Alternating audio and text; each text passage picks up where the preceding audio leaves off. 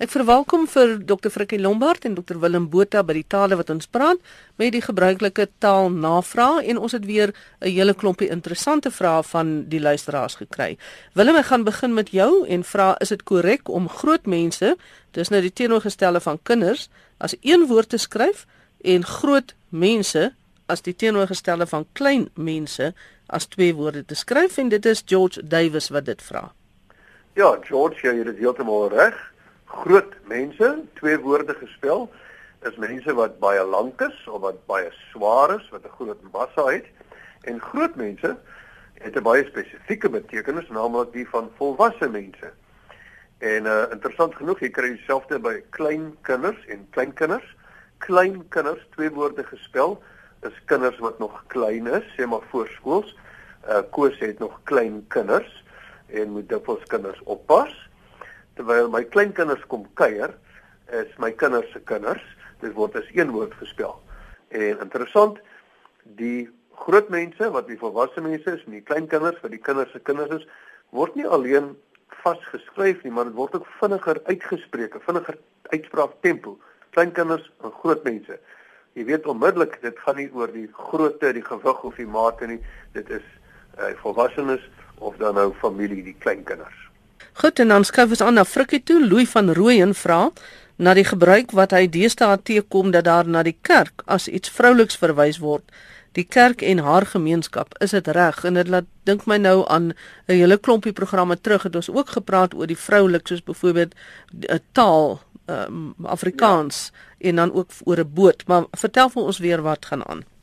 Ja, ek dink uh, Louis uh, het jy verwys na die vorige program toe hy sê die taalkundige sy naam ontgaan my nou dit was seker ek gewees as ek reg onthou ek sê dit is nie gebruiklik om vroulike voornaamwoorde vir dinge te gebruik nie. Uh, Louis het verwag dat ek ook sou verwys na die vreemde verskynsel wat hy al hoe meer teekom naamlik dat daar na die kerk as vroulik verwys word die kerk en haar gemeenskap dan soos hy geskryf het. Nou Louis ek het probeer sê uh destyds toe ons hieroor gesels het dat in Afrikaans anders as Engels word die sogenaamde manlike voornaamwoord gebruik deur die bank eintlik. Met ander woorde of jy nou praat van jou boot of jou motorfiets of jou motor of jou yskas of die kerk of jou koerant, dan moet jy sê jy moet die manlike voornaamwoorde daar gebruik. Die kerk moet sy roeping nakom. Sy lesers, die koerant se lesers, sy lesers het goed gereageer, nooit haar lesers nie en ek kan praat van my motorfiets is kragtig. Sy versnelling is iets om te beleef, nie haar versnelling nie. Met ander die verstek vorm Louis is die manlike voornaamwoord. Wanneer jy uh, wanneer jy dit gebruik in Afrikaans, verskil ons net mooi van die Engels heel na die ander kant. Dan is hier 'n vraag oor die woord verdagte. Uh wanneer gebruik 'n mens dit? Nou die dis 'n anonieme inskrywer of luisteraar het gesê die woord verdagte word baie gebruik wanneer daar nog nie eers sprake is van iemand wat 'n hegtenis geneem is omdat hy of sy van 'n misdaad verdink word nie. Ek dink nou sê net maar miskien 'n sin soos daar word na die verdagte gesoek. Vertel vir ons gou-gou ja. Willem, wat is die storie hier? Die rower het die winkelier tromp op dood geskiet en met 'n groot bedrag geld gevlug. Die verdagte het in die verkeer verdwyn. Nou sy argument is hier kan nie sprake wees van 'n verdagte nie, dis 'n aanvaller, omdat eers as die polisie op grond van sekere inligting een of meer persone arresteer, is hulle verdagtes omdat hulle verdink word van 'n bepaalde misdaad.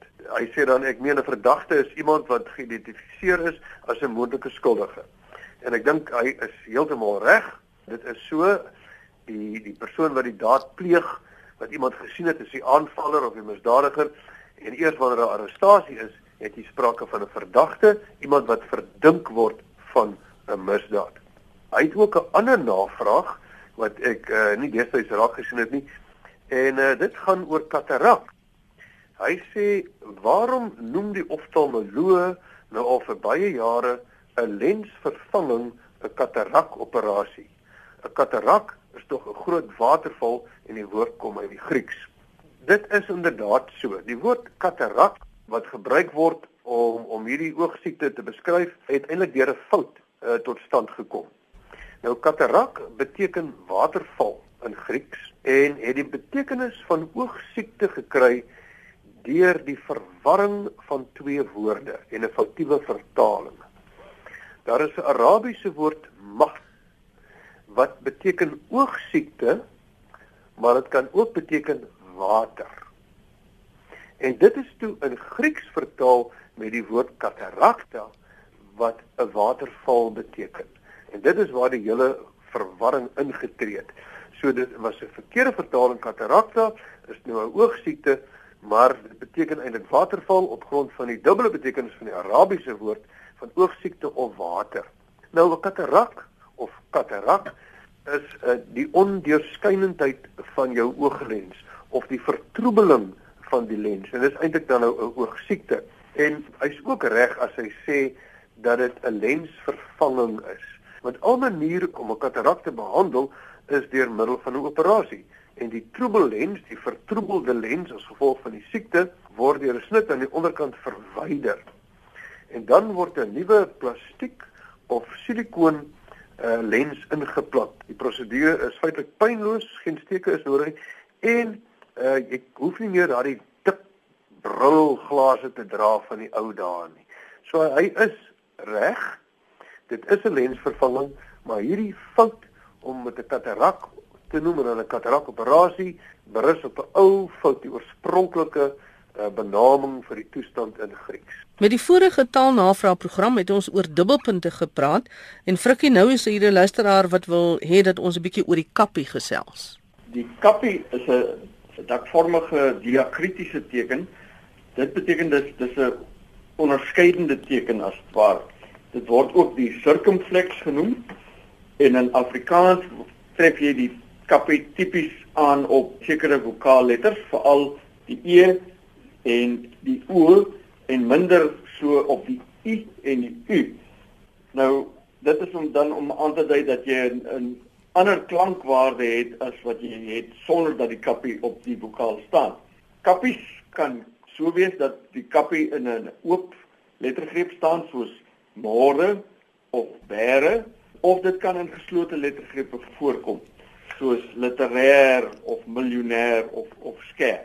Wat ek verder kan sê is die kappie wat op die i en die u voorkom is taamlik min gebruiklik as woorde soos we, bre of re waar dit tipies in voorkom. En dan wat ons verder miskien oor die kappie net kan sê is die kappie kom ook voor op baie leenwoorde waarvan die spelwyse net so in Afrikaans behou is. Sê maar iets soos crouton of maître d'hôtel.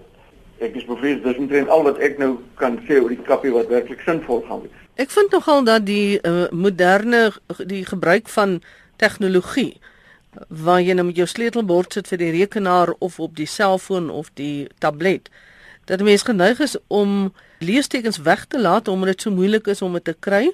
Hmm. Ek het die neiging of nie die neiging nie, ek doen dit deesdae omdat my rekenaar se sleutelbord kan nie leestekens doen nie en ek keer terug na die ou forme van die woord. Ek gebruik die woord seg in plaas hmm. van sê in in in geskrewe taal en ja. ook die woord nergens in plaas van nêrens in geskrewe ja. taal. Ja. Ek doen dieselfde. Daar's 'n paar gevalle waar jy maar sal sukkel om 'n plaasvervanger te kry. Ja, maar nou wimpel ek altyd my sinne so in my e-posse of in my dokumente dat ek daarom iets kan inpas wat ek ken. Ek manipuleer eintlik my sinne. Goed, ons gesels dan verder met Willem van Jordaan vra wat die herkoms van die woord blaker is en of dit verband hou met die woord uitblaker. Ja, van ek het 'n bietjie gaan kyk na die herkoms van blaker. Ons kry dit uit Nederlands. En in Nederlands het dit 'n hele paar betekenisse. Uh ek noem die belangrikstes: fakkel, 'n vuurpan of 'n houer waarin die fakkel of die toorts snags brand, 'n brandende hoop kaf, 'n hanglamp, lamp of kandelaar, 'n houertjie soos 'n piering van metaal of steen en van 'n oor voorsien waarin 'n kers geplaas word. En dit is dan die betekenis wat met ons ooreenstem, maar dit is duidelik dat 'n blaker in sy oorspronklike betekenis iets kan wees wat brand of die houer wat iets hou wat brand. En as ons gaan kyk na uitblaker wat beteken om oral te vertel, om te verkondig, om uit te lap, uh, dan kom dit ook maar uit die Nederlands En uitblakering, dit kom uit uitblakering en daardie blakering beteken om te skroei, om te brand, om te gloei. Uh ons uitblaker het waarskynlik uh, so ontwikkel die die geheime word soos iets wat brand of gloei en wyd sigbaar is oral bekyk bekend gemaak en word uitgeblaker dit word uitgeskyn dit word uitgegloei sodat dit sigbaar kan wees so dit hou verband met vuur wat sigbaar is. Kan ek iets byvoeg in die verband? Blaker en dit is nou natuurlik 'n uh, ander blaker dit word net toevallig so geskryf maar dit is dan 'n homoniem kan ook beteken jou sitvlak. En ons het 'n pragtige opname in die in die BAT waar daar dan 'n voorbeeldsin is ek skop jou onder jou blaker dat jou kers wip. Frikkie, hier kom een na jou toe wat ek dink nog al 'n moeilike ene is. Dis van Gert af en hy wil weet wat is die verskil tussen dublette en paronieme? Ja, eh, ek dink mense is geneig om hierdie twee dinge met mekaar te verwar. Dis iets wat ons op skool leer, jy weet, maar jy jy raak later heel vaag as jy nie dikwels met die met die dinge omgaan en maar weer gaan jouself vergewis wat dit is nie. Nou dublette is dan enige een van uh, tweetaal woorde wat 'n gemeenskaplike oorsprong het. Lank terug het hulle het hulle dieselfde oorsprong gedeel, maar toe hulle uit mekaar het begin groei, anders begin ontwikkel in vorm, maar ook in betekenis. Kom ons gebruik 'n hele paar voorbeelde dat mense kan weet presies wat dit is. Quest en quets. Jy quest die boek, maar jy quets iemand met jou skerp tong. Of sindelik en sindelik. Sindelik is is netjies terwyl sinnelike dinge is is na die vlees. Lidmate van 'n kerk en ledemate die arms wat jy het en jou bene is jou ledemate. Die vaders en vadere dink en dink dit is alles forme van dublette. Ons noem hulle ook dubbelforme of tweelingwoorde. Nou paronieme verskil daar van dublette dat hulle 'n stamverwante woorde. Met ander woorde, hulle het 'n enkele stam en dan verskillende uitgange. Uh kom ek gee ook maar weer 'n hele paar voorbeelde daarvan.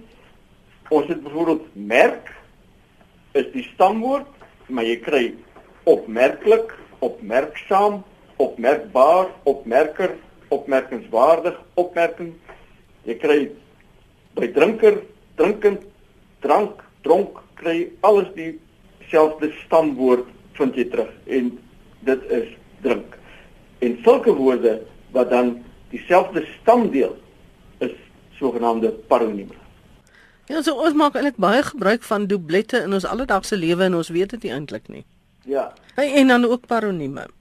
Willem 1 Sutherland vra of die persoon wat iets monitor 'n moniteerder of 'n monitor genoem word en ek weet ons het al vroeër jare baie ge, daaroor gerede kawel en ek weet op 'n stadium met die taalmense gesê 'n mens moniteer iets en jy is 'n moniteerder daar bestaan nie iets soos monitor en 'n monitor nie. Magdalene, ek gaan nou jou effens weer spreek daar.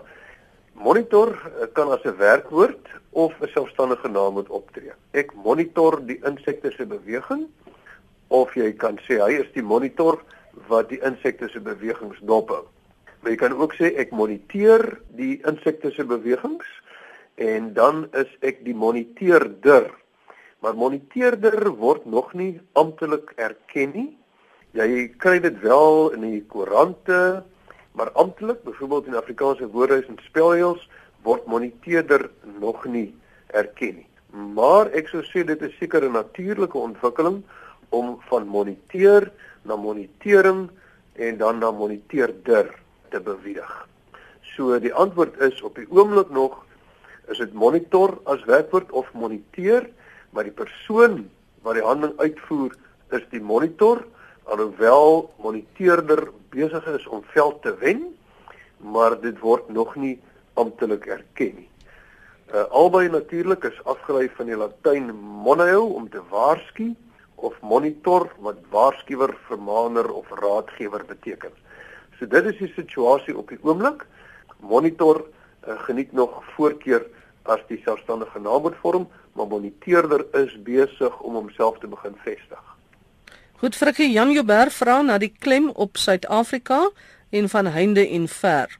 En dan wil hy ook verder weet hoekom ons e-pos met 'n koppelteken skryf, want hy sê die e verteenwoordig tog elektroniese wat 'n byvoeglike naamwoord is en dus los van die selfstandige naamwoord geskryf behoort te word.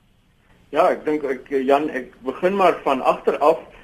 Dit is so alles wat jy sê is heeltemal korrek. Daai e staan inderdaad vir elektronies, maar dit is nou maar ja, dit is iets wat uh, internasionaal toegepas word hierdie koppelteken en in die Afrikaanse woordelys en spelreëls word dit dan ook in in 'n reël aangebied naamlik reël 321 wat so lui in internet en rekenaarverband word die afkorting E vir die volvorm elektroniese met 'n koppelteken vas aan die bybehorende selfstandige naamwoord geskryf soos e-aankope, e-adres, e-bankwese, e-boek, e-handel, e-inkopies, e-leer, e-pos, e-regering selfs. Alles met 'n koppelteken. Goed, en dan by 'n groter kluif is die kwessies wat jy aanroer oor die klemplasing. Net voor jy aanbeweeg, ek wil ook net byvoeg uh, uh, een van die redes ook is as 'n mens die e uh, byvoorbeeld vas aan pos skryf dan het dit 'n ander betekenis soos e-pos. Dan kry jy die e-pos, ja, die verhaal. Die verhaal, ja. Dit inderdaad. Ja, maar dankie dat jy dit bybring uh, want ek het dit nagelaat. Nou Jan oor die kwessie van die klem by Suid-Afrika. Hy sê sonder uitsondering hoor as die klem op die tweede deel, dis tog onlogies want as jy die suidelikheid van die land se ligging wat beklemtoon moet word. Nou dan sê jy vergelyk byvoorbeeld Wes uh, of uh, Wes-Afrika of Oos-Afrika, Noord-Afrika waar die klem voor is. Nou die uitspraak Woordeboek gee ons gelyk as ons sê Suid-Afrika. Met ander woorde die klem vol volgens hulle daar.